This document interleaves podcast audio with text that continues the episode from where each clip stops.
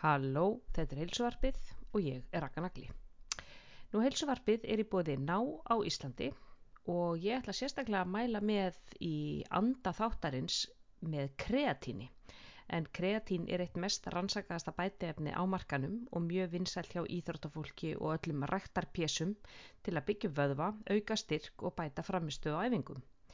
Nú 95% kreatín líkamanns finnst í vöðvum þegar við tökum kreatín aukarlega þá bætu við í fós, fó, kreatín byrðirnar, já, prófaði að segja þetta tíu sunum hratt í rauð og það hjálpa til að við að búa til mólekúlið ATP en það er orgu mólekúlið okkar. Svo við getum kreist út eina endutekningu viðbót eða hlaupið aðeins hraðar eða lift aðeins þingra. Nú að taka kreatín í bæti efnaformi er sérstaklega ábatasamt fyrir grænkera e, og veganfólk, e, fyrir konur því að við erum með mun læri kreatínbyrðir en kallar, fyrir e, fólk sem er komið á aldur til að bæta hugrana getu og kreatín fæst í háverslun á bílsöða nýju þar sem þið fáið auðvitað Speedo, Nike, þið fáið allt frá Muna, allt eh, frá Ná, þið fáið Calvin Klein, Camelback, eh, Vassbrúsa og ég veit ekki hvað og hvað. Nú og auðvitað fáið þið kreatín í Netto í helsuganginum þar. En helsuvarpið er einmitt einnig í bóði Netto og ég mæli sérstaklega með anglamark vörunum en það eru svansvottaðar, umhverfisvænar og afnæmispróaðar. Ég nota mikið sturtusápuna frá þeim því mín skandinaviska snjókortna húð þóli nú ekki hvað sem er en verður algjörlega silki mjúk eins og ballarass með því að löðra anglamark á skrokkin. Nú gestur heilsuvarpsins að þessu sinni er kraftliftingakonan Lucy Stefanikova eða Lucy Martinsdóttir eins og hún segir að sé íslenska nafni sitt. Lucy flutti til Íslands í kringum tvítugt til að vinna sem au-pair en kynntist ástinni sinni og er þar ennþá held ég 8-9 árum setna. Kom með þrjú börn, takk fyrir tíkall. Nú ég hef búin að fylgja henni á Instagram og fannst hún stórkostli fyrir mynd og náttúrulega þessar þingdir sem hún er að taka er náttúrulega svo impressiv en hún heitlaði mig enn meira eftir þetta spjallokkar því eh, ekki bara vegna þess að hún tala nánast lítalösa íslensku, við erum að tala sko um fallbeingar og allt krakka mínir. En hún er rosalega fróð, hún er róleg, hún er hóvær með alveg einstakt aðruleysi og svona hugarfar þegar kemur að, að lífinu og sportinu sínu. Hún er líklega sterkasta mamma Íslands og hún er gestur hilsuverðsins. Ljótið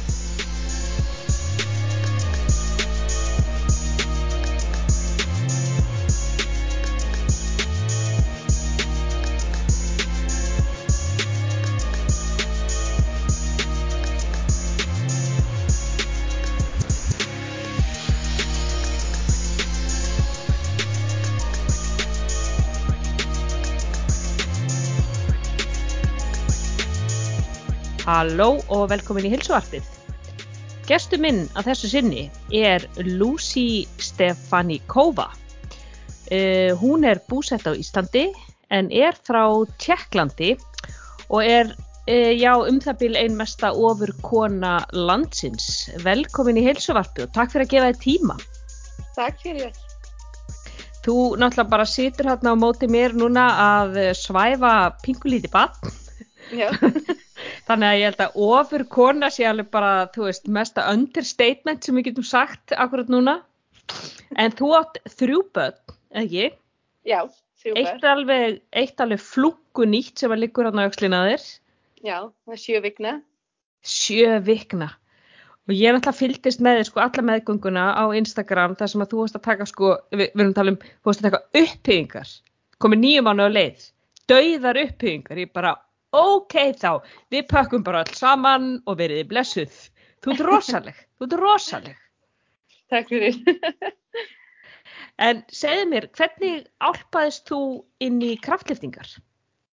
Sko, veistu, ég bara fór eins og allir í rættina á Íslandi og hérna, við fannst, bara fannst að lifta þungu skemmtilegt og einhvern veginn fakt að ég er kannski aðeins sterkri heldur en hinn er í rættinni og ákveð bara að prófa kraftlýtinga. En hérna, þetta gerðist eftir ég átti mér fyrsta barn. Því ég fann svo erfitt að komast aftur í formi og það var svona, veistu, með brjóstakjöfin og svona einhvern veginn erfitt að kannski missa kíló eða feitu og ég bara, ég skal bara einbytta mig að eitthvað annað, veistu, og það fannst mér bara gaman að lifta þungu og læra að gera henni í bauður ekstra lyftu og hérna, ef ég horfi núna tilbaka það er bara með villus form og allt þetta. En uh, ég fannst það bara rosa skemmtileg og veistu, þó ég var með enga og ég, ég var með þjálfar kannski í þrá máði síðan ég bara byrjaði í kraftlýftingum svo ég var alltaf þjálfað mig sjálfa mig. Og hérna ég kom svolítið langt þó ég sé ekki með eitthvað sérstæða prógram og svona svo það er auðvitað eitthvað gjöf sem ég fær sko.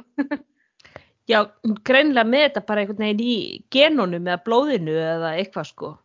Já, já, það getur verið. já. En sko þannig að þú bjóst á Íslandi þegar þú byrjar í kraftlýftingu. Af hverju fluttur þú til Íslands? Uh, ég kom fyrst í 2015 þegar ég var 19 ára og ég var að vinna sem auper og heitti gallin minn og bara er först hérna. ah, það var Ástin, Ástin hértir hérna. Ástin, já. Ástin í kenna. Einmitt, og hérna erum við 8 árum setna og þrejum með börnum og þú ert ennþá í Íslandu og tala frábæra íslensku, bara vá, þú veist. Ég, ég er bara svo mikið stressu sko að tala á hraðvarpinu, að því oft fólk þegar, þú áttu að tala vel, þá talar ekki vel, svo hérna, já, sjáum til bara. Já, nei, það er engar ákveð, þú talar alveg frábæra íslensku við erum alveg, við erum mjög þólinnmóð allir hlustendur heilsuvarpsins þegar að, þú veist, bara, það er bara, maður ber svo mikla virðingu fyrir því að fólk nenni að læra og reyni í raunveruleika að reyna að tala þetta hrogna mál sem að, þú veist, 300.000 manneskjur í öllum heiminum tala. Þannig að, já, þannig að bara takk fyrir að takk fyrir að reyna það bara og takk fyrir að vera búin að læra það svona vel. Fórst á námskeið eða þú veist? Ég, ég fór einu síðan námskeið og annars læri ég rosa mikið með því að vinna á leikskóla. Ég vann í leikskóla í fjögur, fimm ár og var á yngsta deldinni svo ég byrjaði bara samast í og börnin og var bara að læra, læra með þeim sko. Og svo hjálpaði rosa mikið að fara. Ég tók eitt svona um, tvö önn í keili að læra uh, veistu, styrtaþjálfun og þetta hjálpaði rosa mikið af því það þurfti að alls konar verkefni og svo þess sem hjálpaði mér aðeins að bæta mig veistu, og finn, læra svona betri orð og hérna, svo ég mæli alltaf með all, allir sem spyrja mig bara farði að vinna í leikskóla, það læri flokksins í stjórn. Þetta er nákvæmlega saman því nú bý ég í Danmörku og þú veist, danska er náttúrulega ekki auðvelt tungumál, þú veist, sérstaklega ekki yeah. svona í framburði sko og það er nákvæmlega sama og fólk segir hér, farða að vinna á leikskóla því að börn, þau tala svo hægt og skýrt.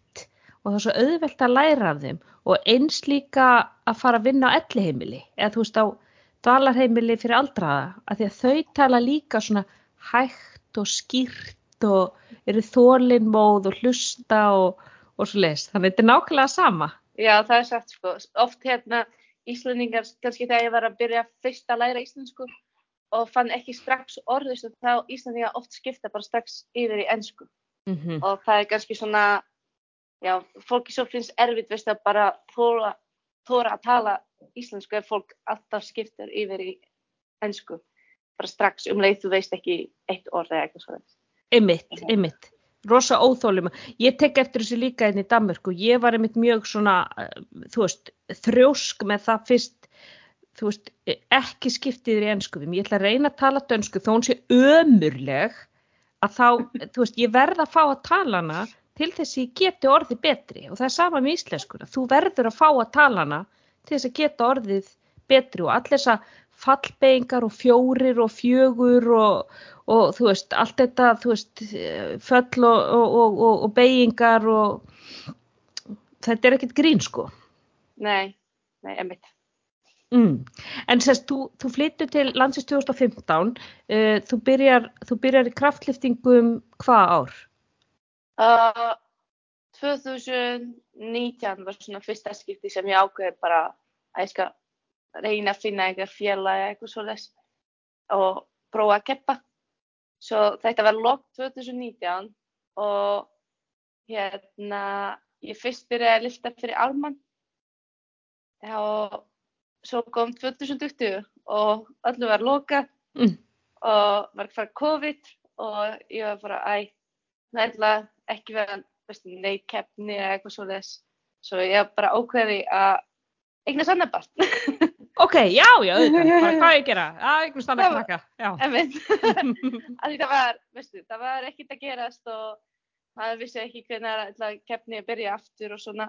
Svo ég fekk að keppa einu svona byrjandamóti sem gekk ótrúlega vel hjá mér og hérna uh, ég var bara svo spennt að taka þátt af fyrstu Íslandsmestramóti sem átti vera eftir fjóra vikur eða eitthvað. Og svo bara lokaði öllu og var ekkert að gerast.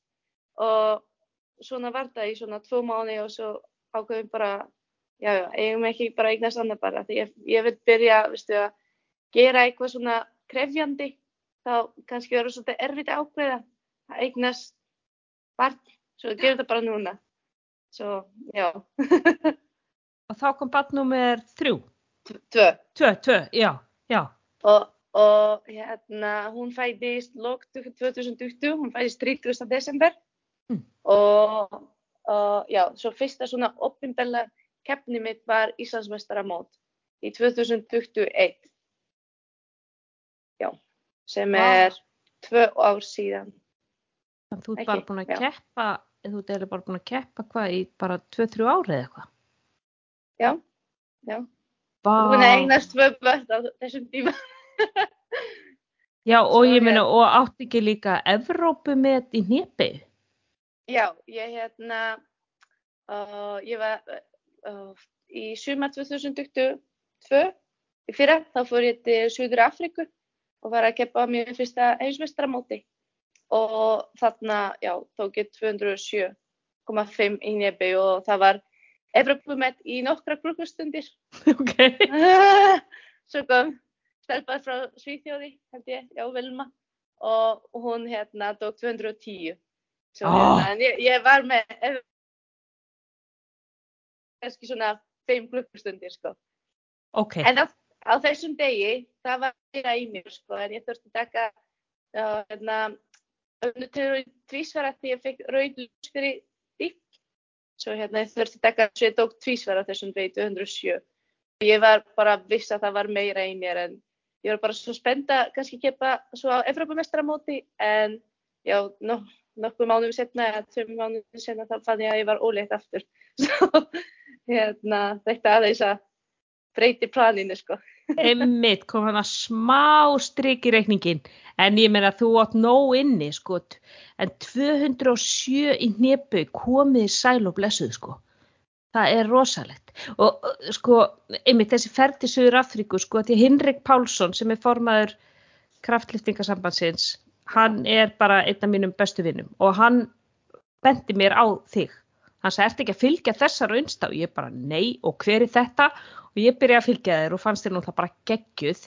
Og öll þessi myndbönd sem þú setur inn líka sko, þú veist, þau hjálpa svo ótrúlega mikið, öll þessi tækni myndbönd, þú veist, með hnjöpun, hvernig er þetta standa, þú veist, ok, þú, ert ekki að taka nógu djúpar, þú veist, prófa þá að laga stöðuna þína og, og þú veist, þetta er svo ótrúlega hjálplegt, þannig ef að bara allir verða að fylgja þér, bara Lucy Martin Lifts á Instagram. Já, takk fyrir. Hann fór einmitt með þér hérna til Suður Afríku held ég. Já, og hann var að hjálpa mér á mótinu. Þú veistu, svona setja kalki á mig og peppa mig og svona. Já, einmitt, einmitt. Það er hérna, ma maður horfir á myndbönd sko, það er alltaf svona eitthvað rosa, eitthvað að garga hérna aftan í. Já, en ég er frekar róleg, sko. Ég er bara í svona hugleyslu meðan ég er að keppa.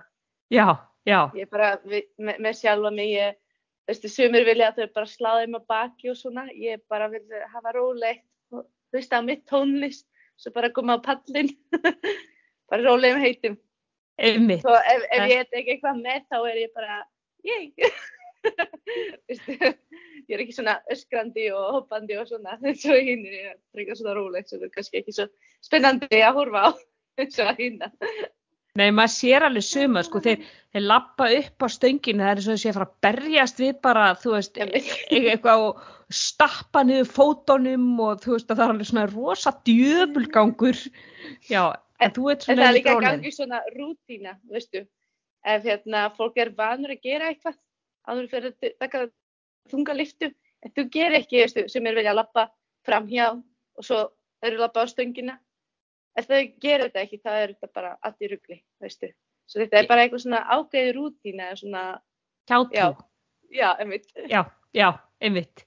En það, ég hef reyndar lesið rannsóknir, það sem er talað um sko að ef þú ert með svona rútínu að það hjálpar þér í, í, í þú veist, æfingum, þú veist, það verið gerða rannsóknir á fólki og ég myndi tek eftir þessu á sjálfri mér, þú veist, ég er með ákveðina rútínu, þú veist, ég búið með sett og þú veist, ég lappa frá stönginni, lappa smá, þú veist, fyrir síðan að kalkinu, kalka mig aftur, þú veist, horfa þess á stöngina, lappa aðinni, þú veist, þetta er alltaf sama ferlið og, og ef þú horfir til dæmis á tennis, ef þú horfir til dæmis á Rafa Nadal, hann er, hann er sko eiginlega næstuði með eins og hann sé með OCD, hann gerir alltaf það sama fyrir hverja einustu uppgjöf í tennis.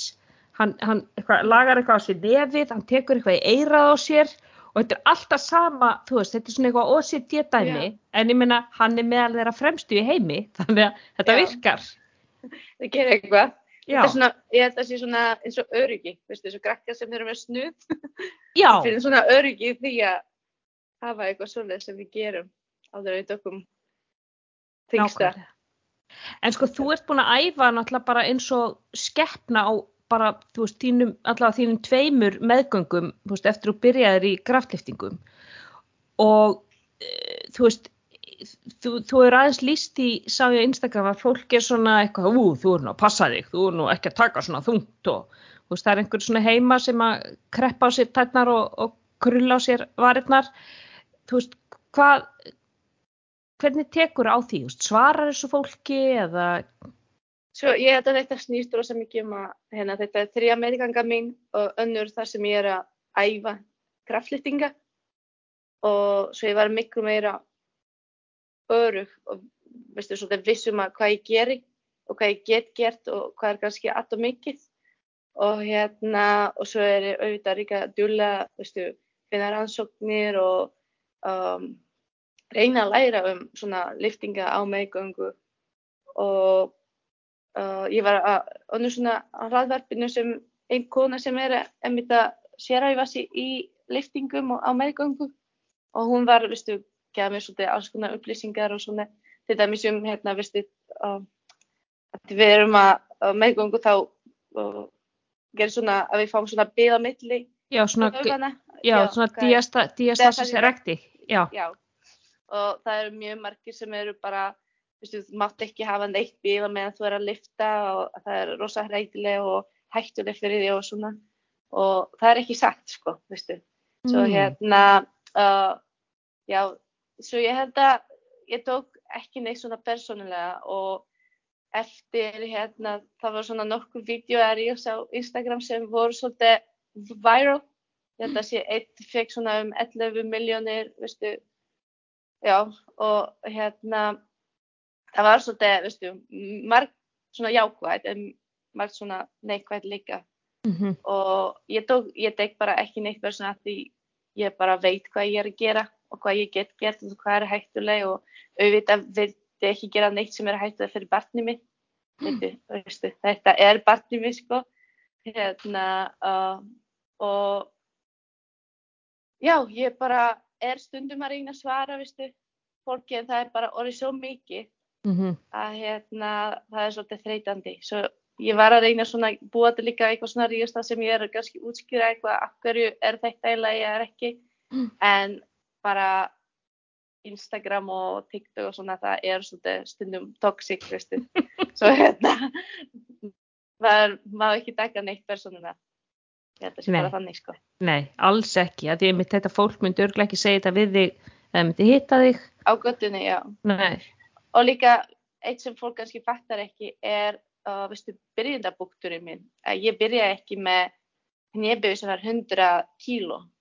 Veistu, ég var að lækka mhm, þingdina það er samt kannski þungt fyrir flesta, líka fyrir flesta galla, en Mhm. það þýðir ekki að það sé þungt fyrir mig.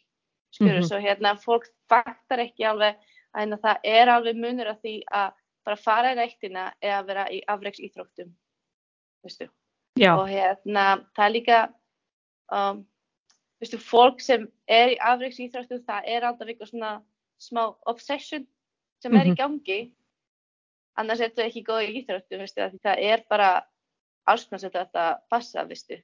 eins og svefnin og mataræði og æfingan, ekki bara það, það er, veistu, ég drekk ekki, ég fer ekki út að djamma, Mhm. hérna, ég er bara í mína rútínu, veistu, mér brefa mitt mat, vera með rúti og mörg börnunum og svona, ég fer rosa lítið út með fólki og svona, Mm.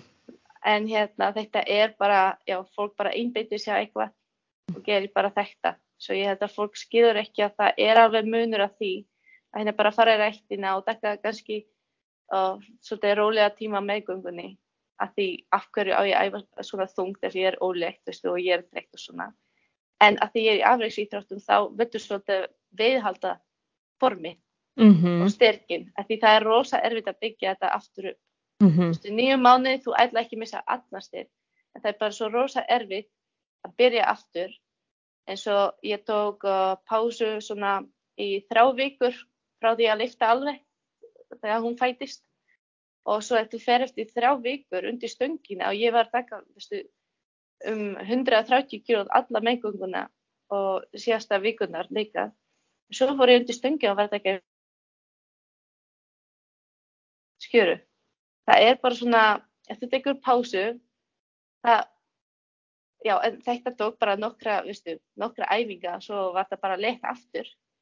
En ef þú tekur nýju mánuði þar sem þú tekur bara 40 kíló alltaf Mhm. og snerti ekki einu sinni, veistu, nálega þessu sem þú varst að taka áður þá bara missir rosa mikið styrk og verður rosa erfitt aftur að byggja þetta upp. Svo Mm. hérna, já. Já, það held ég svona mikilvægt að hérna, hafa líka í huga að þetta er alveg mikið vinna sem fer í því að vera sterk. Og hérna er maður vil náttúrulega- ekki missa öllu. Nei, nei, og það er sérstaklega mitt fyrir konur að sko viðhalda, byggja upp vöðamassa og að viðhaldunum er rosalega mikil vinna og ég vil meiri vinna heldur en fyrir kalla því við erum bara með miklu, miklu, miklu, miklu, miklu læra testosterón. Þannig að við erum ekki að viðhalda þessum vöðamassa og, og líka minn í rauninni villan ekkert. Þú veist, hann, hann er rosa fljótur losa sig við, hann, þetta er svo orkufrekur vefur og þú veist, við þurfum að orða rosalega mikið til þess að viðhalda honum, við þurfum að lifta mikið, við þurfum að lifta þungt. og um leið og við bara hættum því þá þú veist, bara einhvern veginn, það lekur af honum, maður finna það bara, þú veist, ef maður tekur einhverja nokkra daga af, ég veist, mér veist ég bara verða bara einhverju, þú veist, bara einhverju blöðru, þú veist, en, um, en sko, þú, þú sérst, þú, þú liftir, þú veist, fyrir þig einmitt að fara úr, sko, þú átt 207 í hnebegu og þú veist, fólk átta sig ekki á því hvað er mitt byrjunapunktur í þinn var þegar þú ert að æfa ólétt. Þú veist, að þú ert í rauninni að fara tilbaka niður í þingdir sem að fyrir flesta væru sko eitthvað sem þið bara muni aldrei lifta, skilur við, þú veist, þau muni ekki eins og ná maksa það. Þannig að það er líka þetta, þú veist, skilningurinn er svo, hann er svo opáslega takmarkaður og, og, og sjónin á þetta er svo léleg. Þú veist, dettur í hug sko eins og Tia Claire Toomey sem Já. að hefur unnið, þú veist, crossfit-leikana í sex ári röð og hún verður síðan ófrísk. Og hún æfir alla meðgönguna og, og það einmitt, það var sama sko, þú veist, það sem að fólk var bara, guð, þú ert að, að drepa batnið og þetta er ræðilegt og eitthvað, en þú veist, það átta sig ekki á því, hún er í 7000 bet, betra formi heldur en, þú veist, bara hver einasta manneski á jörðinni, þannig að þú veist, fyrir hana er þetta eitthvað, jafnvel, hún er jafnvel að skala sér niður, en fyrir okkur er þetta bara, ok, þetta er eitthvað sem ég mun aldrei geta gert. Nákvæmlega. Og það er líka máli, veistu, ég er í kraftliftingum en ég gerir stundum svona olimpíska liftinga bara svona eins og eitthvað sem er skemmtilegt. En nákvæmlega hérna því Tía er í crossfit svo hún er að gera mikið klín og snörur og svona. Mm -hmm. Það var einmitt hérna, veistu, fólk er alltaf svo hrætt hérna, hún ætla bara, veistu, reykast í, með stöngina í magan og drepa barnið og svona. Það er þú er búin að læ- læra að gera sér hreyfingu og þú bara veist hvað er líka með þinn og fólk bara, veist, þú reykust ekki í bumbuna sko. Þú fólk bara skilur ekki að það, þú er alveg meðvitur um hvað líka með þinn er. Þegar þú er svona íþróttakona eins og hún. Veistu, svo mér finnst það svona, það, en þetta er oft fólk sem hefur enga reynslu, veistu, á íþróttum eða er kannski bara að fara svona, veistu, hjóla í sundi eða eitthvað svoleiðis en ekkert svona afreiksti og já, emitt, uh, svo kemur í þarna í kommentum og vil eitthvað kenna afreikslíþróttafólkum að, veistu, hvað á að gera og hvað ekki. já, já. Þetta kallast einmitt á ennsku svona armchair expert. Já, emitt, bara Bara- í sófanum að segja Já, öllum rosa hvað að gera, emitt. sérfræðingur úr sófanum sko. Já, Nákvæmlega. Svo hérna, ég held að þetta sé máli og emmitt hérna, Tíja, hún var svona óleitt að svipa um tíma og ég, ég held að sé bara svona vika milli okkur. Svo ég var í bara sama, hérna, á, á sama alltaf þegar hún var að fá áskonaustu svona skömmun frá fólki og við, bara, við vorum saman í þessu. Hún veit ekki um það að við vorum saman í þessu. Nei. Einmitt, þið voru svona þjáningarsistur en hún bara veit það ekki. Já, Hún bara veit það ekki. nei, einmitt. En segðu mig, hvað, þú veist, þú fórst að vinna sem auper á Íslandi út, bara 19 ára gömul, árið hvað, 2015? 15, já. Já. Uh, Já, ég var 19 ára en var svo duttu eftir þrjá mánuður, já. Já, þú fætt Svo. 95. Já. Já, og af hverju Ísland? Sko, hérna, ég vildi bara taka svona, veistu, gap year og svo fara í skólan. En hérna, uh, fyrst vill ég fara, veistu, til dæmis til Svíþjóðar eða Noreg og mér dætti ekki einu sinni Ísland í hug, sko. En hérna, svo fór ég hérna á síðu það sem var að bjóða svona er uh, að vei, veita svona, veistu, auperferðum eða eitthvað svona. Mm og hérna um, og þarna var ég búið í Ísland og ég bara, já, það hljóma áhugaverð sko. Svo ég var að skoða þetta aðeins og ég bara vissi ekki eins og að fólk taði íslensku, ég held að fólk taði bara ennsku hérna. Svo hérna, uh, já, svo, já, mér fannst það bara áhugaverð, bara, já, þetta verður bara allt annað heldur en að því ég var svo viss að mér langar ekki að fara til Bretlands eins og allar hinna stelpur sem ég þekkti. Ég bara, ég veit ekki fara til Bretlands og, og já, mér fannst það bara mjög áhugaverð. Fyrst var ég rosa feimin og hérna það er kannski eitthvað sem ég myndi breyta í dag er ég átti að fara eitthvað út í sveit. Ég var bara svo feimin við að fara veistu, og vera bara í svona í, í miðju íslenska sveitinni, veistu, það sem er bara eitt hús og ekkert kringum. Mm. Það er með mörg, fjós, mörgur fjórskjöldur sem eru leita að einhver veistu, auper sem getur hjálpað þeim og byrju bara út í raskati -hmm. og hérna og ég vil bara vera á höfuborgsvæðinu svo hérna kannski í dag það myndi ég frekar að vilja bara út á landi Já, það, hérna. en uh, já, svo ég var í smá tíma hér á Íslandi kynntist hérna kærastunum og bara, já, er hérna já, já. Hvar kynntistu honum? uh, hérna, við hittumst á uh, uh, hva, veistu hvað er couchsurfing? Já, já, Já, svo hérna, einmitt þegar ég uh, kom til Íslands, það var bara nýtt í bóði að hitta fólki bara, ekki gista hjá fólki þetta, þetta maður hitta einhverju sem býr á og bara, uh, veistu, fara eitthvað, gera í bænum eða fara í kaffi og göngu eða eitthvað svo þess.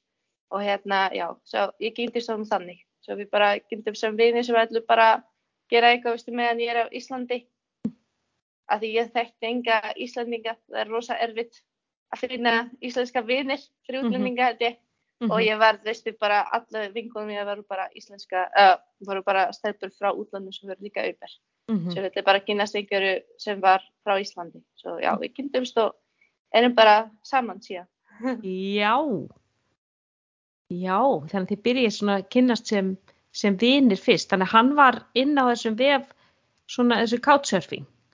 Já, Já, hann var rosa mikið, sko, áður með kynntumst það var hann ferðast rosa mikið, var í bandaríkjunum og uh, ferðast um alla Evrópu og svona hann notaði þetta rosa mikið Mm. nýtti þetta svo- rosa mikið og já, svo það var svona gaman að hitta einhver, veistu, ég var ekki alltaf, alltaf bara, að líka það var svona, veistu, alltaf sama vandamál að við vorum að, að bassa börnin og var aðeins skemmtilegur að tala um eitthvað annað kannski.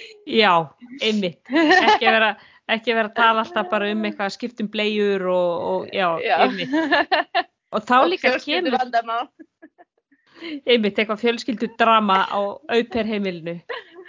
En, en sko, en þá kemur líka íslenskan rosa hratt, þú veist, leið og fær bara tækifæri, þannig að þið byrjuðu að tala íslensku saman strax, eða hvað? Ensku, nei, nei, nei, nei, nei, nei. alls Ensku? ekki. Nei, ensku. Og við tölum rosa mikið ensku en í dag, af því það er eitthvað svona, við reynum heima, þegar börnir erum heima, það tölum við bara íslensku, en hérna, svo ef við erum bara eitt heima, það oft skiptum við yfir ensku, ég bara veit ekki nákvæmlega hvað, hvernig er reglan hjá okkur. Mm En ég held að ofta við erum að tala um eitthvað svona, sem svo djóka mikið og svona, það er enska svona betri tungumál fyrir okkur. Já, hérna, og það er eitthvað svona, já, ég veit ekki. Og ef við tölum eitthvað mikilvægt, þá tölum við á ís- íslensku. já, já, Svo hérna, já, ég, ég veit ekki alveg hvernig er eitthvað. Svo ég er búin, ég, ég tala við alla á íslensku, sem ég þekki, íslendingar, nema við hann held ég. já, Hann er einn íslendingur sem, já, það er eitthvað svona rosa erfitt að hætta alveg, veistu. Við erum búin að vera saman í svo mörg ár og eitthvað við kynntust fyrst á ennsku og það er rosa erfitt að bara hætta alveg að tala ennsku. Já, það verður eitthvað svona, það verður eitthvað svona norm, eða eitthvað svona tradisjón að tala ensku og eða kynnist á ensku, þá er svolítið skrítið með það skipti yfir. Og kannski fyrir þig líka, þú veist, eða er eitthvað svona djók og þú ætlar að vera eitthvað svona spontant og eitthvað, að þá þegar þú þarft að fara virkilega að leita að orðanum þá einhvern veginn mómentið er bara farið og þú veist, þetta er ekki lengur fyndið og þú er bara einhvern veginn, óh, þú veist, ég hefði ekki gert þetta á ensku. Ó já, ég veit Já. nákvæmlega hvernig ég líður. Ég er oft svona einmitt í, já, með dönum, ég bara, ég er í alfurinu ógislega fyndin og skemmtileg, en ég bara, ég bara næ Ég ekki alveg, já, ég næ ekki alveg, þú veist, að láta mig skína á dönsku, þú veist. Já, ég veit. að- Já, þannig ég held að, já, við, við Tengist alveg. Já, að vera útlendingur í ykkur landi og, og geta einhvern veginn ekki alveg tekið sinn eigin karakter og, og leift honum að skína. Hvað ert þú búin að vera lengi á, í Danmarku? Ég er búin að vera í 14 ár.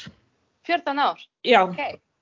já, en þú veist, ég, ég, þegar ég kom veist, ég held að ég talaði bara, ég held að ég veri bara æðisli í dönsku og ég var bara gjörsamlega ömurleg, sko. Þú veist, danska er þú veist, danska sem við lærum í skólanum er allt öðruvíseldur en danska sem er töluð hér. Ég sko, ég, ég byrjaði að vinna sem auðbæri hérna, það er hérna í nokkru mánuði og hérna við kynntumst, en ég samt fór og var í Breitlandi í nokkru mánuði. Mm, og ég var emir líka, að ég var alltaf að vinna með fólki uh, frá bandaríkjum, ég var í svona kristnifélagi og við vorum að fá alltaf að hverju sömur í fólk frá bandaríkjum sem var að hjálpa okkur með svona alls konar, uh, uh, æ, hvað heitir það? Við fórum bara með krokkunum út og, og vorum að kenna krokkunum ennsku og uh, svona það var alltaf fólk frá Texas sem kom að hjálpa okkur. Mm, og sem ég bara fannst að ég kann tala ennsku bara mhm, þú rosa til að tala einsku og skilja öllu og svona. Og svo kom ég til Breitlands og ég bara, hvað er fólk að tala? ég bara, ég fyrsti mánuð skildi ekki neitt hvað hérna pappin í fjórskjur sem ég bjó- bjó í. Ég bara skildi ekki hvað hann var að segja við mig. Fyrsti Þú veist, það tók svo lengi að fennjast reyminu hans. Ég var bara alltaf what, what, ég bara vissi ekki bara ekki neitt sko sem hann var að segja.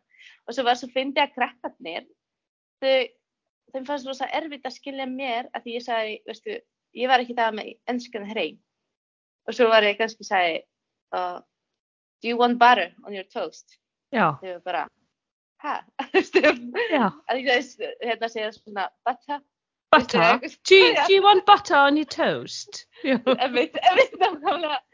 Svo hérna, ég þurfti aðeins að líka breyta minninum, svo hérna, þegar ég kom frá Breitlandi, það var ég með svona breyskan hreim og ég var að vinna svo hérna, e, hérna uh, í jókursalóni, svo afgreyslu þar. Og það var fullt af fólki sem hérna ég var frá Breitlandi, sem kom svona afgreyslu og hérna, ég var bara, ó nei, fólk heldur þessi. Já. og hérna, uh, svo misti ég alveg hreimina því ég byrjaði að tala aftur með svona minn hreim en uh, já, þetta var svolítið fyndið, því þú fer til útlanda og er bara svo viss, já, ég bara Já. kann að tala ennsku, bara ekkert mál. Svo bara var ég alveg lost í heil mánu.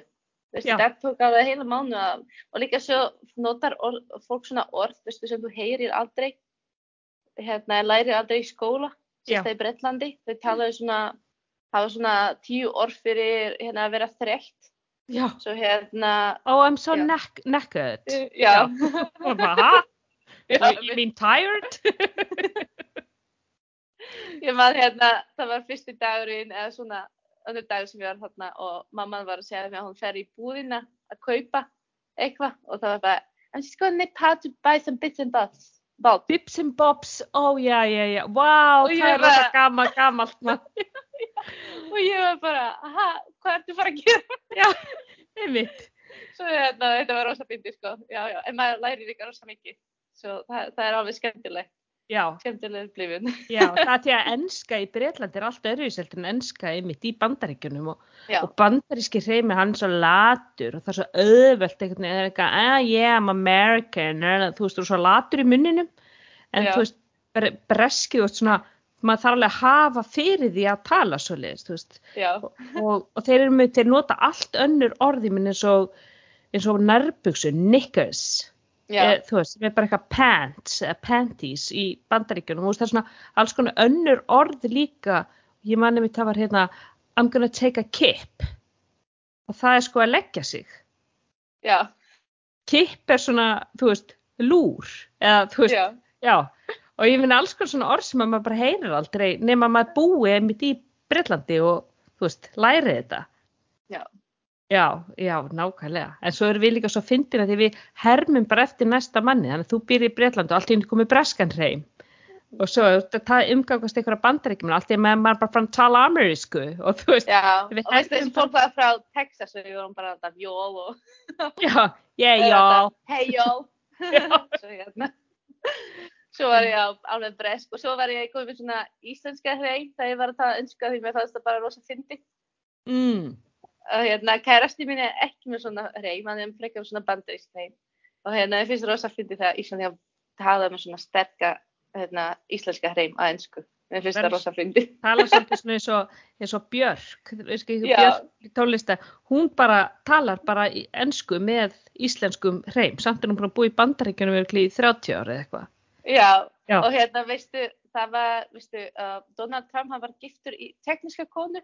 Já, Þannig að Ivana Trump, hún er frá Tjekklandi og mér fannst það fyndi, hún bjóð, veistu, þegar var vita með hana svona fyrir tveim árum, hún bjóð í bandaríkjum í, ég veit ekki, 30-40 ár og hún var ennþá með rosa mikið reynd. Ég bara, hvernig er þetta hægt? Hvernig er þetta hægt? einmitt, en eða horfið bara Arnold Schwarzenegger, ég veit hann er Já. ennþá með þýska, austuríska reyminn sinn. en nú er ég að hugsa, veistu, kannski fólk gerir þetta bara viljandi. Já, það vil hald, halda í identityð. Já, ég held Já, það, að þú gerir þetta bara viljandi. Af því ég held að ég er svona meira sem einhver sem er að reyna svona að blenda Já, í samfélagi, veistu, Já. það er að ta- reyna að tala um íslensku og svona. Og hérna, svo er svona fólk veistu, sem vil alltaf kannski sína að þau eru ekki frá samanlandi og já, það, það er einmitt, það getur alveg, alveg, alveg passað, svona hal- halda í. En, en sko þú náttúrulega, sko, þú veist, ég er bara því meira ég tala við, því meira impressed er ég af hvað þú ert ótrúlega góð í íslensku. En að heyra. þú, þú þjálfar þá, er það ekki, því þú ert með þjálfun. Já, Já, og þú þjálfar þá vantilega á íslensku og talar við Íslendinga allan daginn, eða hvað? já, ég er að þjálfa íslensku og, og svo er ég með fjárþjálfun og þá verð ég að þjálfa ennsku. Svo hérna, ég er ekki þjálfað teknisku, ég var með einn tekniskan gúna, og, en hérna, það er einhver teknisku sem vil læra að lifta, þá má endur að í mér. Ok, allir, allir tjekkarnir sem hlust á heilsuarpið. En við, svo hérna, endur að heyra í mér, ég þannig líka uh, gæna á teknisku, sko. En já, ég er að þjálfa fólk á íslensku og uh, já, flestu dagar ég er bara að tala alla daga íslensku. Svo hérna, og ennsku bara við kærastan og svo er þetta maður lista mest á, Ísland, á ennsku, veistu, svona YouTube og áskoða heitt podcast og svona. Já, En já, lífið mitt er held ég mest á íslensku. já. Og svo við krakkanar ég reyna að tala teknisku. Sem Já. gengur aðeins ekki eins vel og ég bjóst við. Ó, ok. Eru þau, Jú, jú. eru ég- þau, vilja þau ekki tala? Uh, já, þau skilja alveg hvað ég er að segja og en svara íslensku alltaf. Ó, ok, ég er með geggja tipp fyrir þig. Já, að því að sko sýsti mín, hún hérna á tvö börn og sýsti mín býr í London og hún vildi bara börnin eru bara alveg bara tvítingt. Þau eru bara algjörlega bara myndi tala ensku og íslensku bara 100% hvort tvekja. Og hún talaði við svona expert í, í svona bi, bilingual children ok. og hann, hann ok. sagði það líkil atriði er að frá því að þau eru pínu lítil þá skilur þú ekki ensku. Þannig að Já, þegar þau reyna að tala við, já, þegar þau reyna að tala við það bara, mamma skilur bara ekkert hvað þú segir, þú verður bara að tala íslensku. Og, og svo var hún alveg rosa hörð með sko að, þú veist, þau kannski sögðu þau, þau voru svo fyndin að þau kannski fundi ekki orð og þá tókuðu bara eitthvað ennst orð og bættu bara við greini, þannig að það var kannski, mamma, ég fór í karið og við keirðum bara rosa langt og þá bara karið Æ, bara-. Já, bara hvað hva er hérna, hvað er karið? Ég veit ekki, eh, hvað er, hvað er íslenska orðið yfir kar? Og þá þurfa þau að leita að því sjálf, veist. Og þá, þá þvingar þau til þess að, þú veist, ná í orðaforðansið, þú veist, ógislega fyndi karið. Og já, svo var frænga minn og segi, þú keirir bara einn upp hillið. Og ég bara, ok, minnar á hæðina eða brekkuna. Þannig að, já, þau, þau retta sér, sko. Að það, það, það var alveg líkilatri, bara mamma skilur ekki. já, ég veit. Svo kemur svona, veistu, en um leið við fórum til útlanda, fórum að heimsækja fjölskyldu mína, eða mamma mín kemur hinga, þau bara skipta yfir í tjekknesku og tala tjekknesku Já. að því hún skilur ekki. Svo hérna, það, þau kunna alveg tala tjekknesku, það er bara svona leti í þeim. Einmitt. Þetta eru, þetta eru, kall, einmitt, þetta eru svona stælar. Já, já, já. já. En já, e, þú veist, þannig að þau eru sko í rauninni kannski verið næstu í þrýting, þau kannski með ennsku, íslensku og tjeknisku. já, veistu, flest börn á Íslandi eru svona tjúðar að tala bara fullkana ennsku, svo hérna. Já. Ég held að maður þarf ekki að áhyggjur af því. Nei, einmitt. en hvað ert að þjálfa? Þú ert að þjálfa í ármanni eða hvað? Uh, nei, sko, ég er núna að keppa fyrir stjörnu, svo ég er að æfa þarna í glæsiðastöðu í Mikkjarni sem við fengum við fyrra. Hún er Uh, rosaleg, ég er búin að koma já. að þinn. Ert að grínast, þetta er svo komin í amerískan háskóla. Já, Bara- þetta er geggjast að Já, rosa flott, veistu, alltaf sól. já alltaf sól.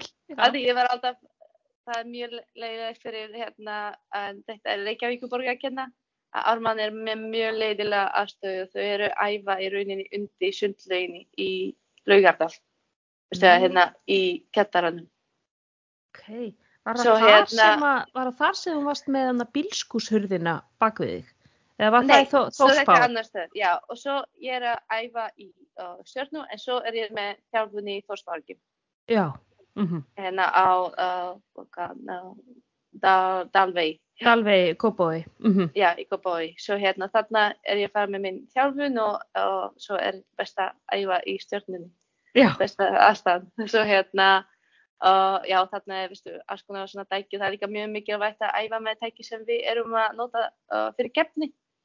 Svo hérna, veistu, bekkarnir eru öðruvísi og svona það skiptur uh, hver einastu svona dítel alveg stóru máli þegar maður fer að keppa mm veistu, ég get til dæmis ekki miklu meira á svona uh, rók bekkum -hmm. í bekkpressu Mm -hmm. því það er svona mjúkar og þú einhvern veginn svona fer meira í bekkin og það er auðvöldar að halda stöðuna en leik og bekkir sem við notum fyrir keppni eru mjög sleipar og hardar Oh. svo hérna þarna þarftu í alveg læra að setja herrablöðu vel saman og bara halda stöðuna rosa vel svo hérna það er mjög mikilvægt að æfa með veistu, uh, búnaði sem við notum fyrir keppni svo Já, þannig að rókbekkinir eru þeir með öðruvísi efni á. og það eru svona mjúkar uh, nei, þeir, Já, já, þeir eru svona mjúkir sko og eru oft aðeins breyðari breyðari, breyðari. Já. Já, breyðari og, já, og efni er svolítið öðruvísi og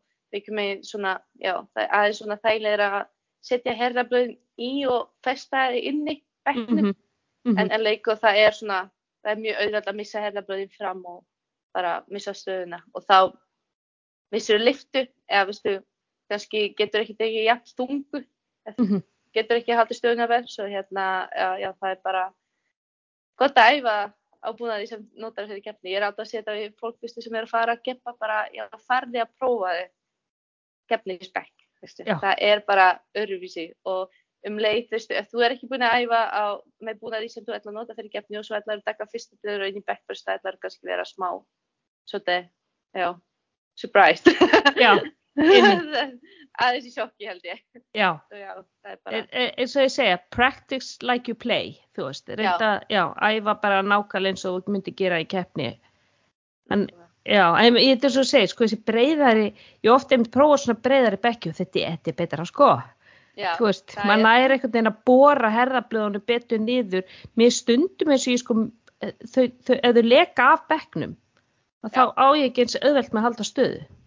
Já, og fólk gerir það, veistu, kannski byrja vel, fyrsta rep, önnu er aðeins að missa og svo þriðja að missa herraflunni alveg fram og veistu, axlinn eru komið fram og svo hérna fjórða, fymta það er bara aftikla svo. Það er kannski rosa erfitt svo bara að koma stönginni upp, veistu, það er fyrst, en svo ekkert. Svo Mhm. síðasta rep er bara rosa erfitt ekki út af þess að hérna, kannski þú er ekki nógu sterk en þú er kannski bara missa stöðu já, svo hérna, fólk kann ekki bara halda spennu við að, veistu, svo Einmitt. hérna, já, þetta snýst- getur verið vandamáli. já það snýst um að halda einmitt spennu og stöðunni hvað er, hvað er uppáldið þitt? þú veist, nú keppur í hnepu, deadlift, backpressu hvað er, er uppáldið þitt? Það? Ok, akkur ég, sko, uh, ég er mjög góð í henni og hérna, ég finnst það eitthvað með, mér finnst auðveldra að taka þunga hnebjur heldur en þunga deadlift, mm. -hmm. veistu, reistuð.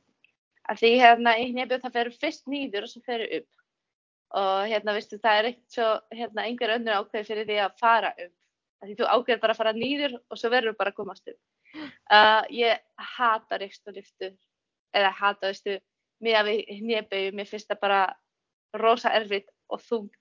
Og hérna, á sama tíma elska reisturliftu, það er svona love-hate relationship held ég Mhm, mhm. og hérna að því uh, mitt besta reisturliftu er 225 og Já, þegar þú kemur á stöngina og ertu bara að standa fyrir frá stönginu veistu, með þingina sem ég að því 225 ég tók bara einu sinni og ég hef aldrei tekið meira á æfingu heldur en 210 og hérna þegar þú stendur fyrir framann og er bara ekki viss hvort þú getur lyft þessu eða ekki uh, og já það er bara rosa erfitt og þetta er andlega. Þetta er svona á, að því þú þarft að ákveða já ég ætla að lyfta þessu. Það er ekkert svona veistu í backpressu er í beigju það ertu alltaf að fara nýður það er alltaf þessi excentrísk veistu Mhm, að leiða já. nýður og svo feru upp. Mhm. í resturinn það ertu bara að fara upp og hérna ég held að þetta er svona sem mér finnst svolítið erfitt andlega sko. Mm. og backpressa það er svona hún er aðeins að bæta núna svo mér finnst hún skemmtilega þegar mér fannst hún alltaf rosalegið og það var alltaf svona veistu, keppni fyrir mig var bara beigja og reisturlifta og backpressa það var svona að fá pásu á milli Já, já, já, já, einmitt. Svona mér fannst það rosalegið en nú finnst mér alveg backpressa ekki skemmtileg. Svo hérna uh, það var líka að byrja að breyta reglunum núna nýlega. Svo uh, veistu, það var alltaf hérna að þú þurfti bara að snetta he- bringuna og fara Mhm. upp og sumið voru með svona stiktan hreyfiferði það var kannski nokkra sentimetra. Mm. og, og ég var alltaf að hugsa bara að ég nær aldrei fara í svona svaka fektu til þess að taka eitthvað rosa þungu og svona Mhm. og hérna nú eru regluna svolítið smá að breyta svo hérna sé smá svona uh, aðeins skemmtið að horfa á backpressu fyrir fólki að hvernig er búið að breyta reglunum? Uh, við þurfum núna að koma með olbúa og uh, olbúa, olbúa við axlir í næsta stöðu. Af því oft var þetta, fólk var bara að fara svona, veistu, það, var, það er í rauninni verið svona 90 gráður Já, það kemur niður, veistu. en í núna ol, í olbúan. Nú þarf olbóin að fara niður fyrir, Nei, Niður- nú þarf það að vera 90, veistu, svona cirka. ok, ok, Og hérna, uh, uh, já, og áður var það bara að þið þarfst að bara snerta bringuna og fara upp og það Mhm. skiptir ekki máli hvort að beigja olba mikið. svo er rauninni sumir voru bara að fara rosa lítið nýður mm, nokkra sentimetra og það kannski reyfis olbúin bara veistu, svona mikið, bara ekki neitt sko. Að því að þeir fettu sig svo rosalega upp. já, Já, bara svo rosalega upp mikið, veistu, og svo tekur rosa breytt grip. Mhm, það er enn stiktri hérna reyfiferðin og svo í rauninni bara kemur já, veistu, leittir bróskassanum og kemur stöngin í svona nýður um 5 cm, stundum minna og þetta er backbrisa. Svo ég held að þetta er kannski aðeins skemmt að núna fyrir fólk líka að horfa á svona, veistu, uh, liftur sem þú sér, stundum var erfitt að sjá þessar liftur. já, einmitt, þetta er svo hérna, rosa lítið, já, Já, svo ég, uh, já, núna finnst mér backbrisa líka skemmtileg. Ég veit að sé sumir bara, uh, ég veit um eina stelpu og þetta hafi haft rosa stór áhrif að hennar, um, veistu, uh, hennar framinstöðu sem er Mm. mjög leiðileg en á sama tíma þetta sé bara sangjart fyrir, veistu, keppnina, þetta er bara alvörni lifta því við erum alveg basta, veistu, hvort þú fara náðu djúpt í hnébegju. Svo hérna, mér finnst það bara, veistu, að þetta er alveg make a sense. mhm, já, algjörlega, algjörlega, en það er, þú- það er samt lúmst gaman að horfa á svona keppnir, þú veist, Finnst þér það? Já, mér finnst það kannski, þú veist, ég er alltaf að elska allt ef það er bara stöng, þú veist, og Já. fólk að lifta stöng, þá bara horfi ég á það, þú veist, crossfit og, og kraftliftingar og, en þú veist, það, það, er, það er gaman, veist, það eina sem er, þetta er alltaf svolítið langt, þú veist, það kemur maður, þú veist, keppandi eftir keppandi eftir keppandi eftir keppanda, þú veist, Já.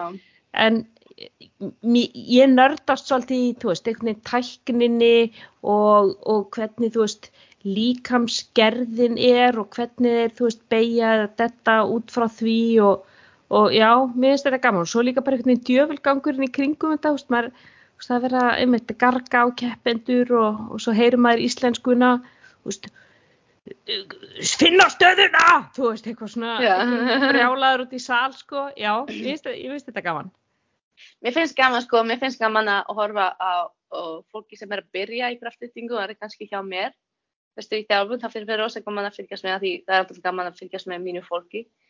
Og hérna, og mér finnst rosa gaman að horfa á keppni það sem er, veistu, þessi besta fólki að keppa móti uh, hver öðru. Uh, það var núna svona, heimsvestramóti, svo var svona stórmót sem var fyrsta skipti sem var sem heitir Sheffield og þarna var eitthvað verðlaun, hérna peningaverðlaun og svona. Svo það er skemmtilegt, þetta er svona eitthvað meira stressandi og Já. líka, veistu, þetta er besta fólki sem er að lifta bara þingum sem er bara ótrúleg, sko, fyrir, veistu, stelpur sem eru um 20 kilo léttar en ég og verið taka sama í restaliftu. Jafnvel Já. meir, hérna, já, ég held að sé eitt sem var bara um 57 kíló eða eitthvað svona, sem var lift líka kringum 200 eitthvað meira. Svo þetta er bara svakalegt. Já, 57 Veistu, svona- kíl. Já, svona pínu litla stelpur. Einn sem, sem er 47 kíló, hún, lift, hún tók hérna 200 kíló núna heimsmeistaramóti í reksturliftu. Og svo kemur svona fólk, veistu, að því hún er að, veistu, við meðum að keppa bara með lappirnar saman, veistu, svona hefbundna reksturliftu. Mhm. Ég, er, ég nota þessa því mér finnst hún, að ég sé betri í henni. Og svo máttu líka nota sumo. Það er ekki regla, þú mátt bara ákveða hvort þú nota hefbundna eða fara í sumo.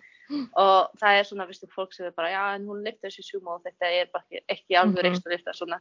En það er oft, veistu, fólk, eða karlar, Mhm.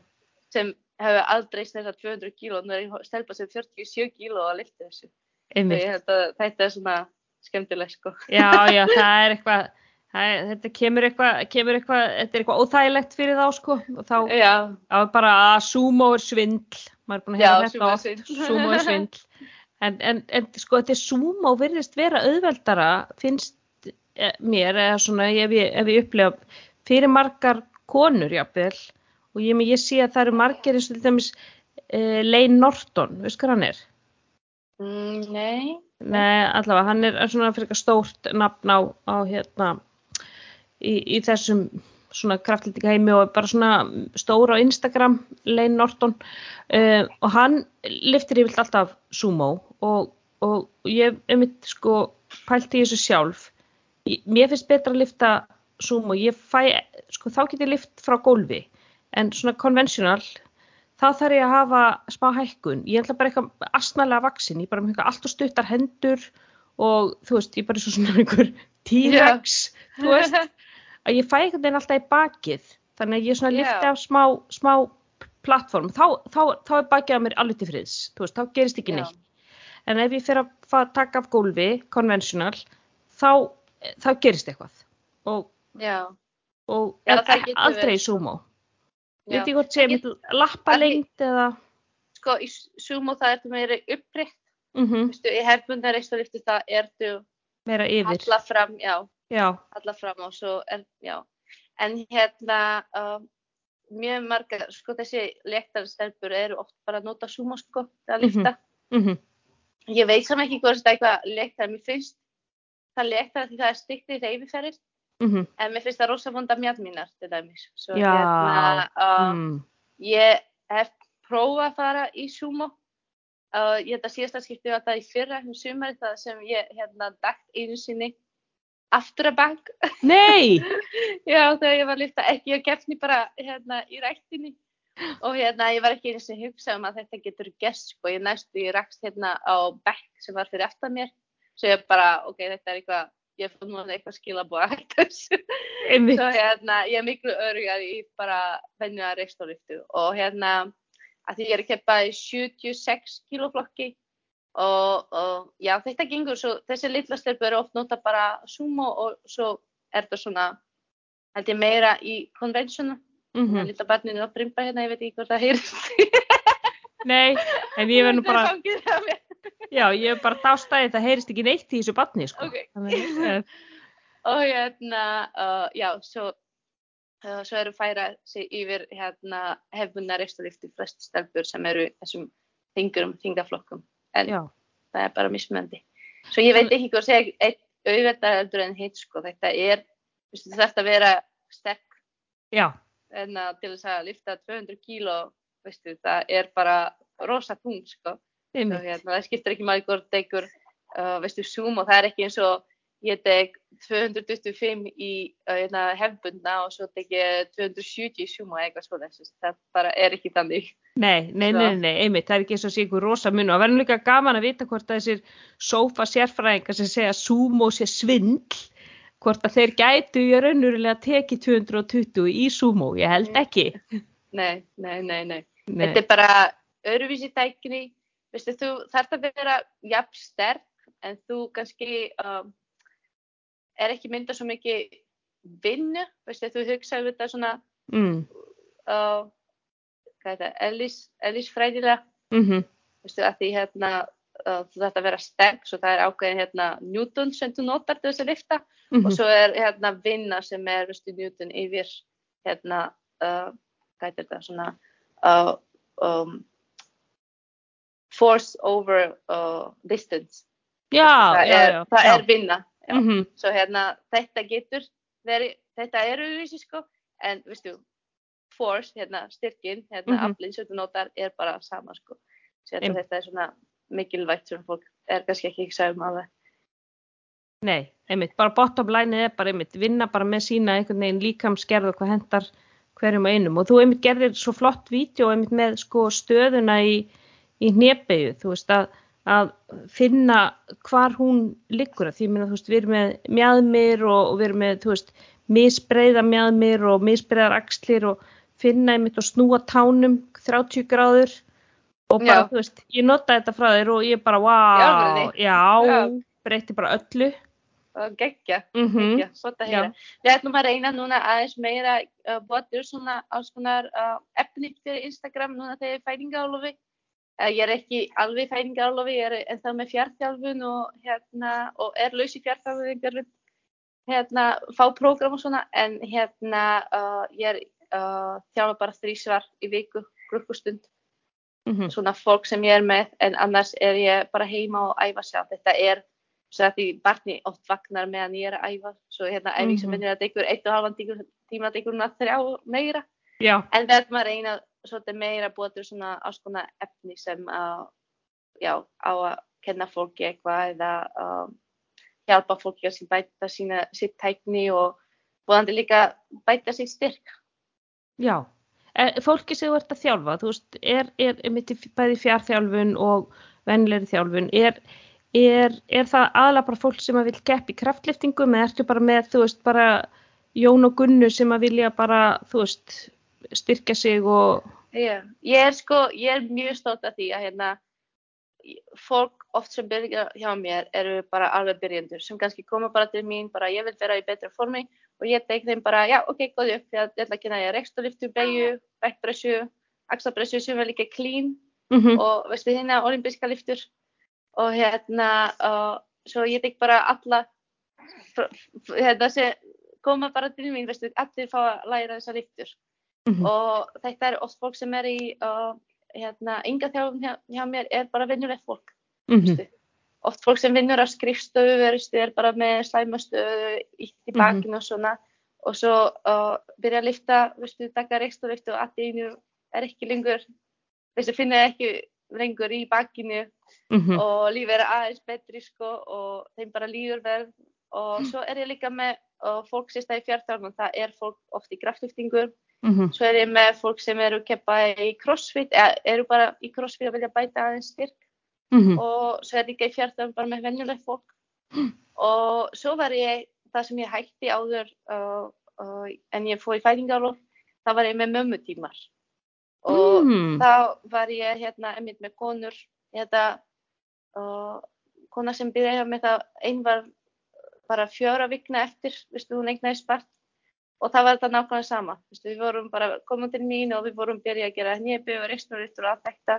Við erum bara rosalegt og einbeitum að tækni viðstu, erum að aðeins að hérna, hugsa meira um viðstu, hvernig þeim líður og einmitt að reyna að laga hérna, við erum með svona diastasis rekti Mhm. eða eitthvað svo þess og veistu, ég er alltaf bara hvernig líður þér, veistu, hvernig finnst þetta, finnur eitthvað skil tilfinningu og svona? Og, og já, svo ég var með konum sem voru bara ég, ég heyri þetta. Er og hérna, já, svo var ég með einmitt konur sem voru bara nýbúið að eignast barn og komu og voru læra að gera hnýpur og þetta og líka fundu að, veistu, þetta hjálpar bara rosa mikið, það er bara svo mikilvægt að vera sterk og Mhm. sérst að oft konur eftir meðgöngu, sumar voru búin að eigna sérstu þrjú börn og voru ekki að gera neitt. Það er bara svo erfitt og það er rosa erfitt að sjá um börnin, veistu, Mhm. fara Mhm. í göngutúr og allt einu ertu með tvo lítið börn, eitt í gerunni, hinn sem vil ekki lappa, svo Mhm. allt einu segir mér mamma, "Eh, það er svo miklu erfitt en ég tók hana í hendunar og lappaði bara með gerur og það var ekkert mál, Mhm. Það er svo gott að heyra að þetta er ekki bara að þú þarfst að vera og taka hundra meira í svona. En það hjálpar bara að vera aðeins sterkari og hérna, þú ætla að sjá, fá að sjá munin bara strax, sko. Veistu, einn mánu, tvo, það er bara, sérstaklega fyrir fólk sem hefur aldrei gert neitt, eða verðstu, er bara nýbyrju aftur. Þau bara finna hérna lífsgæði er aðeins betri þegar þau eru sterk. að því við erum að lifta allan daginn og sérstaklega nýjar mömmur það er að lifta kerrunni, það er að halda á innkaupapokum og krakkanum og taka, þú veist, batni úr bílnum og lifta því upp og þú veist, þú, ert að lifta allan daginn og ef þú ert sterk og ert með öðva þá verður einhvern veginn lífið að vera svo miklu öðveldara og síðan bara við tölum ekki um fólk sem er komið á aldur, þú veist, fólk orðið 70, 75 ára, kannski makinn dáin, bara ein, kannski kona, þú veist, hvernig ætlar að opna sultukrökkuna, þú veist, hvernig ætlar að setja, ná í ferratöskuna, þú veist, ofan á skápnu, þetta, þú, þú þarft að hafa þetta allt saman. Það er líka, uh, hérna, uh, maður minn, hann er að vinna í öryggismistöði og það er einmitt, veistu, fólk sem er svona öryggisnappa mhm, og oft fólk, veistu, sem er gaman bara dekt nýður og getur ekki stæði upp, mhm, veistu, að því við erum svo lítið þessi stöðu, veistu, og þú situr bara á, hérna, uh, stól sem er bara 90 gráður, þú setur bara klósetti, fólk er aldrei á gólfinu, fólk fer aldrei, veistu, eitthvað nefi og styrkja sig í þessu hreyfingu, þetta er bara svo mikilvæg hreyfing. Já, og það er ekki að þú er bara að styrkja lappinnar, mér finnst það alltaf svona skemmtilega, veistu, að hérna, þú ert að fyrst að æfa korið áður en þú fer að lifta aftur eftir meðgöngu, mhm, en þú er að nota korið rosa mikið í Já. nefnau og í Já. restu og og miklu meira heldur með þess að hérna klængæfinga eitthvað svo, Já. það er veistu, ég er alltaf að reyna að útskjáða fyrir fólk, hvað heldur þú notar meira kor ef þú gerir plagg með þína líkamstingin eða að þú settur, veistu, 40 kíló á þig mhm, gera hnébyrð þar sem þetta halda góða stenni í maður og þú mm bara fólk, já, já, það make a sense.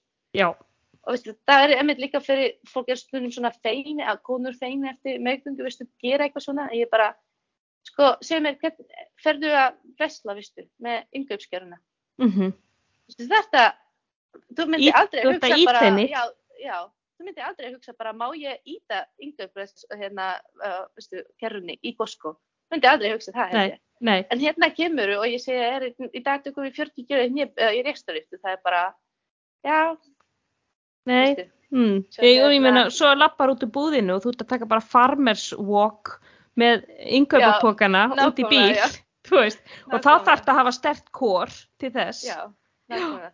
Svo hérna ég er bara að segja að þú gerir miklu meira, veistu, svona daglega og svo kemur ég að rektina og svo kannski ertu aðeins meira að hugsa um þetta.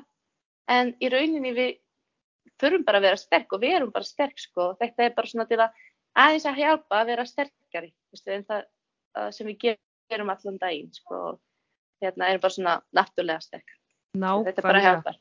Það er bara, þú veist, þú ert með mér í liði að reyna að fá konur inn í liftingasalinn sem betur fyrir er þetta nú aðeins að breytast, eða þú veist, mér finnst það, mér finnst það mynd með crossfit og þú veist, kraftlýtingar og konur eru farnar að keppa miklu meira og, og þetta er orðið svona meira norm að konur eru sterkar og þær eru með öðva og þú veist, og þær geta verið lítið alls konar út og, og verið, það er flott að vera stórar og vera sterklega byggðar, þú veist, við erum ekki alltaf að glamoræsa þetta, þú veist, eins og var svona, þú veist, þegar ég var allast upp, þú veist, það sem að súpemótilum voru bara, þú veist, 30 kíló með skólatösku og Já. það var einhvern veginn bara eina sem maður sá og þannig að, að sko, mér finnst þetta allt vera að breytast og ég sé alltaf miklu, miklu fleiri konur í liftingasalunum og oft þegar ég er að lifta þá eru kannski bara konur, þú veist, í, í rekkonum, ég er bara, yes, þú veist, Þetta er líka, það við erum svona byrjendamóð í kraftlýting, það er oft bara fullt af konum, ég held að síðast voru bara meiri konur en kallar og veistu, konur sem eru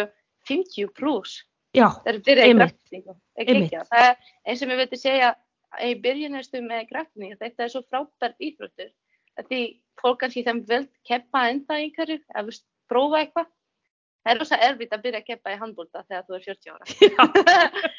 En það er mjög auðvitað að byrja að hérna, keppa í kraftlýftingu þó þú sé 60, já, veistu. Það er bara alltaf það, það er aldrei alltaf sett. Það er með liftingar að það er einhvern veginn, liftingarnar eru þannig að þú getur keppt í þessu alveg bara fram að gaman, sér er bara pappans Hinriks, hann er að keppa og hann er 75 ára sko. Nákvæmlega.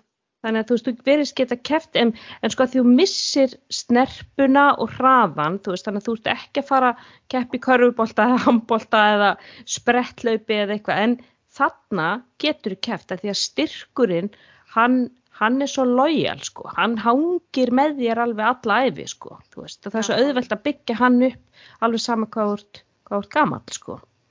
Já. Já, Og já, svo er líka fólk aðeins veit hvað maður er fyrir meinsli, veistu. Og hérna, uh, kraftlýtingar, það er bara svo gott að því þú hefur stjórn yfir alla hreyfinguna. já, Það er ekki eins og þú gerir eitthvað svona hratt, veistu, eða eitthvað sem þú stjórnar ekki. Þú er bara, veistu, einbyttaði, segja, þrjá sekundur mm hreyfinguna, það ertu búinn. mhm, Það er ekkert hérna, já, sem er eitthvað, veistu, emitt, hefur ekkert að gera með snerpu eða, uh, já, eitthvað svo þess. Svo þú Einmitt. hefur alveg stjórn yfir öllu og það er ekki verið að hrætt að þú veitir eitthvað svo þess. Nei, einmitt og það er ekki eins og svona það sem að hræði fólk oft svona eins og þessi svona hamagangur og djöfulgangur sem er oft í, þú veist, í svona einhverju eins og crossfit eða eitthvað að þá, þú veist, þarna ertu bara með fullkomna stjórn allan tíman og þú bara vanda þig og já, já þetta er, er geggju íþrótt. En Lucy, þú bara, þú veist, mér fannst þú æðisleg áður en við byrjum að tala saman, mér finnst þú, ennþá æðislegri. Ég er bara svo ótrúlega impressed af öllu sem þú gerir og bara, bara takk fyrir að koma í heilsuarpið og fræða fyrir. okkur um, þú veist, kraftliftingar og lif, æfingar á meðgöngu og allt sem að þú ert að gera. E, fólk getur fyllt þér á Instagram. Hvað er eh, Instagram nafnið? Það er Lucy, L-U-C-I-E, svo hérna, hvað heitir það, dash, Já, und, underscore. underscore, já, Já, underscore uh, Martins, mhm, underscore lift. Af því ég var að breyta það því ég heiti Martinsdóttir á Íslandi. Já. Ok. og ég var svo stótt að því að ég er að keppa fyrir Ísland og ég vil ekki, ég kem alltaf og það bara stundur alltaf Stefaníkova og se- seinast þegar ég var að keppa í heimsvestaramót það var bara kona, þetta er ekki mikið Íslands nafn. Nei, nei, ég bara, nei. nei. Svo hérna, ég heiti á Íslandi Martinsdóttir, svo þess vegna var ég skilta yfir. Svo já, Lucy Martins Lifts. Já, bara endilega fylgja þér á, á Insta, þú ert með alveg bara frábæra síðu, uh, þú ert frábær og takk fyrir að koma í heilsuarpið, Takk gangið vel með allt sem þú gerir og næstu keppnir og, og allt saman. Uh, til ykkar hlustandi góðir, takk kærlega fyrir að hlusta á heilsuarpið og þangt til næst, verið bless. Takk fyrir.